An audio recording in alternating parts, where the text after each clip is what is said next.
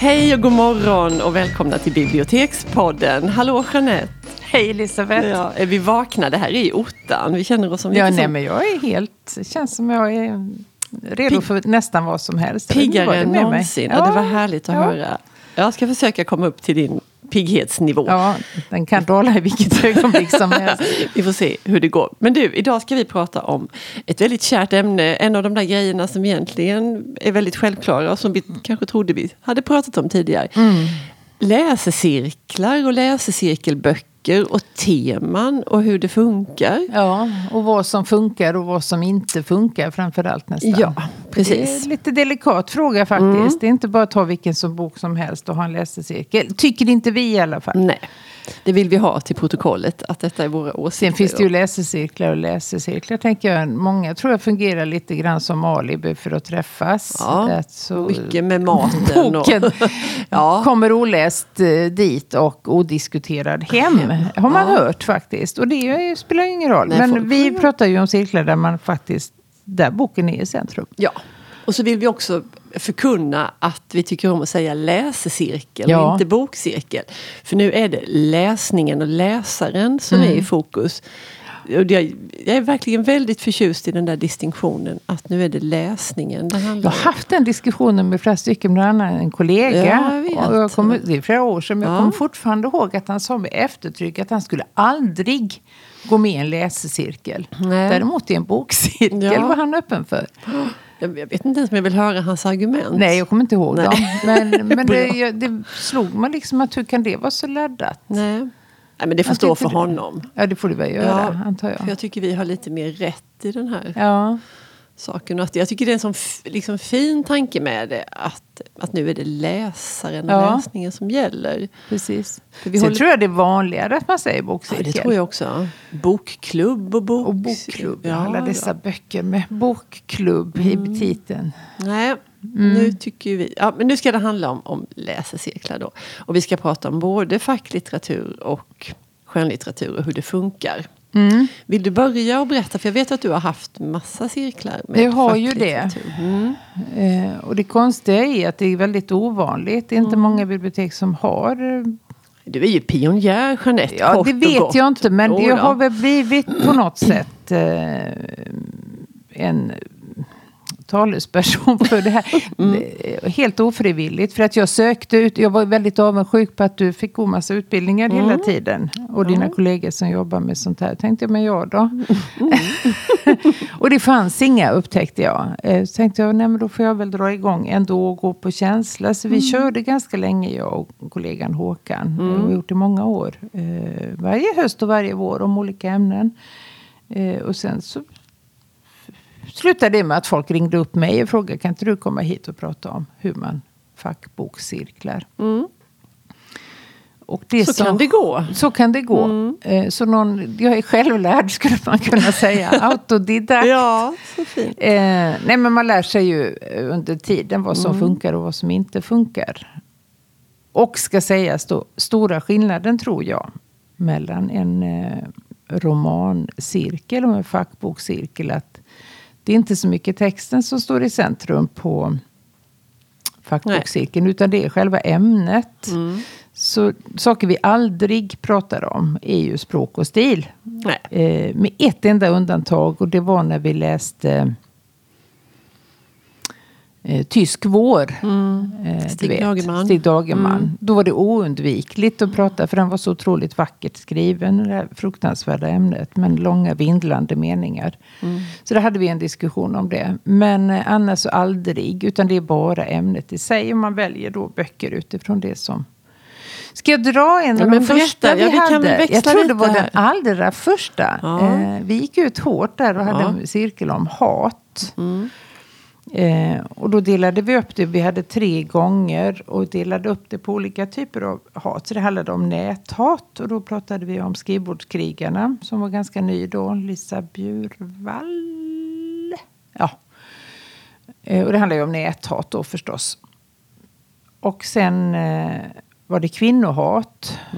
Och då pratar vi om alla de här kvinnorna i offentligheten som tystnar för att de blir så otroligt förföljda och får li- skaffa mm, skyddad identitet för att de liksom har mage att säga någonting som är det minsta lilla kontroversiellt i Ja, offentligheten. Det är så fruktansvärt. Det är helt fruktansvärt. sportjournalister verkar vara så utsatta så det är bara inte sant. Ja, och spelvärlden, alltså datorspelsvärlden, Ja, ja, de är utsatta. Egentligen alla kvinnor som yttrar sig om någonting har man förstått. För alla går inte ut med att de är förföljda och hatade. Nej. För det kan ju förstärka det. Men det är fruktansvärda saker som sägs om dem och till dem. Eh, så det pratade vi om. Och sista var såklart främlingshat, rasism. Och då hade vi Niklas Orenius bok Sverige forever in my heart. Som den heter. Fruktansvärt intressant. Och det är klart, det är ju inte så att det är ju ingen som säger nej men jag tycker det är bra med hat. så det är ju ingen konflikt i själva ämnet. Nej. Men det är också ett sätt att lyfta det här. För jag tror inte att man är så medveten om den risken som man utsätter sig för. Eh, ja. Alltså rasismen den kommer ju bara för att man ser ut på ett visst sätt. Men den andra typen av hat är ju ändå riktat mot någon som höjer sin röst. Och det, Nej men det var bra. Ja, jätteintressant. Mm. Ju.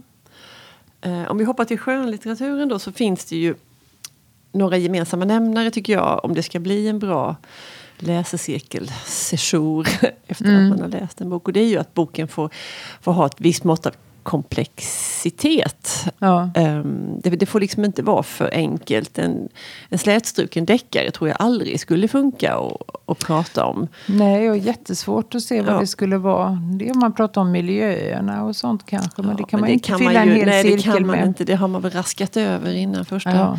klunken kaffe. ja.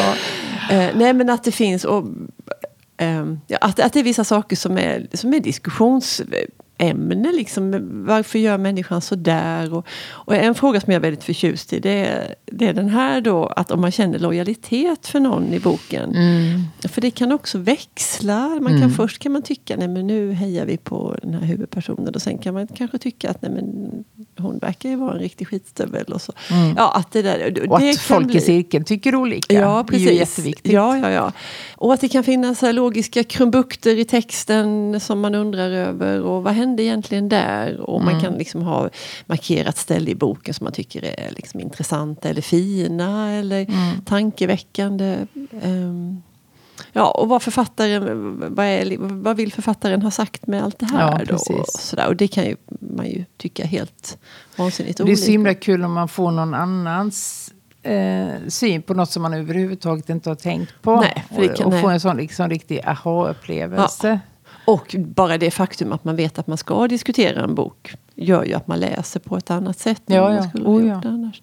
Men jag har några exempel då, om jag ska ta det första så tycker jag att den här väldigt omhuldade för flera år sedan och säkert fortfarande bok, romanen som heter Stoner av John Mm. Williams tycker jag är en sån jättebra Det kallas för den fulländade romanen tror Ja, jag. och många år så var det ju liksom så vitt jag förstod det författarnas Ja. författare och Ja. bok. Men den fick ju ett brett genomslag. Den handlar om en, en yngling som kommer från otroligt enkla förhållanden. Fattiga eh, och tigande. Eh, en bondson ifrån nästan ingenstans som eh, någon, någon avlägsen släkting till dem yppar då det här. För han ska ju ta över den här lilla torra tegen och odla den vidare. Och det är ju, så är det bara. Men då är det någon som säger åt familjen där att ja, men jag tror grejen är att skicka gossen så han får läsa till agronom. Eh, för då kan han snappa upp mycket och det finns, man kan utveckla ja, la-di-da och så vidare. Så han, de skrapar ihop sina sista, allra sista besparingar och med hjälp från några andra släktingar så, så skickas han iväg till universitet. Och där får han ju kon på på skönlitteratur för det ingår en obligatorisk kurs där. Precis, det var ju Eh, en sån otroligt lycklig slump. Och utan att berätta någonting där hemma så, så läser han ju mer och mer litteraturvetenskap och mindre och mindre jordbrukskunskap. Gödslingen får stå tillbaka. ja, sannerligen. Och han är ju en ganska svår person. Och han, han gifte sig och det blir ett fruktansvärt olyckligt äktenskap. Och det är så intressant alltihopa det här. För man gillar honom på ett vis. För det är ju en, han gör ju, röner ju stora framgångar där på universitetet. Slutade som professor. Ja. Och det är väl på ett sätt hans egen historia. Ja, det är mycket möjligt. Men, men jag, jag har vissa svårigheter med ja, men Jag behöver ja. inte veckla in mig i det nu för det är ämnet för en annan podd kanske. Men, men just det där... Hur ja, frun beskrivs? Hur, ja, till ja. exempel Edith Stoner och ja. dottern. Och, han har ju så småningom en älskarinna. Ja, nej, men det är väldigt jättebra diskussionsbok. Så har ni inte läst och pratat om nej, den. Men det, så, nej, verkligen. Den finns också som i en läsecirkelkassa här på Stadsbiblioteket. Ja, vi har ju också sådana. Det är mm. fin service tycker ja, jag. Åtta har... ex av varje bok. Ja. Det är rätt många kassar nu, många ja, titlar. Ja, 30-tal. Ja. Jag försöker hålla eh, summan konstant. Så när vi köper en okay, ny kasse så ryker en, gammal. En, ja, jag är väldigt ja. noga med det. För jag tänker ändå att för håller man på och cirklar så ska man alltid kunna hitta. Ja. Men det där har vi inte läst. Uh, jo, då lånar man en fin tygkasse där det ligger åtta exemplar av boken. För annars, det är ju tråkigt det där med när man ska ha en läsecirkel och så. Åh, jag får inte tag på boken och vad ska jag hitta den och den är Nej. utlånad. Jag vill inte kanske köpa den är för dyr att ja, köpa. Ja, man vill inte ha fler böcker kanske. Ja, allt finns inte i pocket och allt vad det är. Så eh, det är flera bibliotek som har sådana här kassar. Mm. Så det är en bra sak. Ja, men du, ska vi hoppa till någon annan eh, fackbokscirkel som mm. du har haft i dina dagar? Ja, men jag har ju plockat ett urval här från mm. som jag har tyckt har liksom varit stuckit ut lite extra. Och det eh, exempel nummer två då efter hatet. Mm. En bok som vi hade om fattigdom. Ja. Hat och, och fattigdom. Det är muntert där ja, på det är muntert. fackavdelningen. Ja. Värre ska det bli. Ja. Eh, det som var originellt med den, eller speciellt med den, det var att vi hade den ihop med eh, en budget och skuldrådgivare mm. och en socialsekreterare. För detta var precis när Charlotta från Sveriberg hade gett ut boken Fattigfällan. Mm. Som var extremt uppmärksammad och Augustprisnominerad det året. Jag kommer inte ihåg, det är tre, fyra år sedan. Mm. Som handlade om en, en verklig person, eh, Beata. Och hur hon trillade igenom alla det allt grovmaskigare så kallade skyddsnätet som mm. vi har i Sverige. Och hur det påverkade henne. Hennes hälsa och hennes relationer och allting. Och hur lite hjälp hon fick av samhället. De som var till för att hjälpa henne. För hon har gjort allting rätt i hela sitt liv. Men hon råkade bli sjuk och det kunde hon ju inte rå för. Och konsekvenserna det fick. Och tanken med den här cirkeln var att ha med de här två. Det är att de skulle berätta vad kunde de ha hjälpt till med. Mm. Så att det inte skulle gå så mm. illa. Mm. För att hon, blev ju, alltså hon var ju nära att ta sitt liv. För hon såg ingen, inget slut på det. Um, och det var jätteintressant. Och då fick vi faktiskt deltagare som befann sig. De sa det här, det, det här är vi, det handlar mm. om oss. Mm. Uh, och kunna prata öppet om det. Det var mm. jätte... Alltså man får ju väldigt stark ödmjukhet inför sin egen privilegierade mm livssituation och hur lätt det är. För att Beata var också privilegierad och bodde ja. i innerstan i Stockholm. Och, ja, eget företag. Eget företag, ja. ja. Ändå gick det som det gick. Alltså man är inte så långt borta. Eh, från det scenariot som man kanske tror. Mm. Eller de flesta av oss är inte det. Och sen avslutar cykeln att vi hade eh, Charlotta från Sverigeback här som föreläste. Mm. Så det var Ja. Kanoners. Snyggt hopsytt. Ja, ja. Det var viktigt och mm. eh, intressant. Ja, ett annat exempel på en hoppar vi till romanerna då igen. Eh, det är Lena Anderssons bok Egenmäktigt förfarande. Mm. Som jag vet har funkat jättebra ja. i läsecirklar. Och, eh, Alltså, handlingen är ju, det är ju en, en kärlekshistoria, eller en olycklig kärlekshistoria. För huvudpersonen Ester är väldigt betuttad i nu tappade jag hans namn. Hugo Rask. Hugo Rask heter han ju. Mm. Konstnären Hugo Rask. Och eh, det, det, finns en koppling mellan dem. Hon ska skriva en lång essä om hans konstnärskap. Så hon har ju alla anledning att närma sig mm. honom. Och, och de träffas och han är väldigt vänlig och tillmötesgående. Och, alltså, hon tolkar ju hans vänlighet som att han är intresserad tillbaka. Mm. Och det är just det som är själva liksom, temat i boken. Det är ju mm. de här tolkningarna. Och vad menar han egentligen? Och är det hon som läser honom fel? Eller ger, förespeglar han henne någonting som han sen inte har ork eller lust eller vad det nu är. Mm. Eh, att leva upp till. hon blir ju besatt av honom och hon går runt i hans kvarter och hon hänger på hans krogar Mm. och de råkar stöta ihop. Och, eh, sen så är han ju inte riktigt så tillgänglig alls som hon skulle Nej. önska. Och så det här underbara med väninnekören Ja. då, som Lena Andersson myntar i den här boken. Precis. Det är ju nästan blivit ett begrepp. Ja, precis. Eh, Väninnorna hon som... lyssnar ju inte på dem. Nej, för de hissar, ju, Det de, de hissar varningsflaggor. De fattar ju direkt vad Ja, han var det för här en. kan inte bli så bra. Men, eh, men, Men vi pratar ju väldigt mycket om den här eh, bland personalen. För alla läste den och alla hade Mm. alla olika hade väldigt åsikter. starka åsikter. Ja, ja, ja. Om, och Lena Andersson var här. ja, vem man hejade på om man tyckte Ester, att Ester var att hon hade liksom rätt i sina... Ja. Att han var taskig. Och, ja. och Lena Andersson var här på ett... Mm. Det var ju någon av de större succéerna med våra författarbesök. För det var fullknökat på den fina Nissan-scenen den Mm. kvällen. Och det var massa som ställde frågor. Och det var, ja, det var...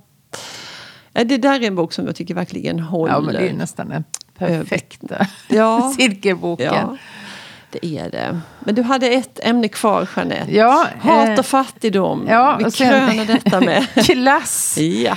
En fråga som ligger mig varmt om hjärtat. Mm. Eh, det var också en av de första cirklarna. Eh, där pratade vi om Anneli Jordahls antologi med ett antal kvinnor som eh, har gjort en klassresa. Mm. Och hur den liksom alltid finns i medvetandet. Och hon kallar sig ju själv hon, fru klass. Att hon har förstört många middagsbjudningar genom sin besatthet att prata om klassfrågor. Eh, och även där avslutar vi med att faktiskt ha Anneli Jordahl på plats och föreläste. Eh, och det är också det här hur man definierar. För det är så lätt att bara tänka på pengar. Men det är ju bara en faktor i det här. Det är ju så mycket annat.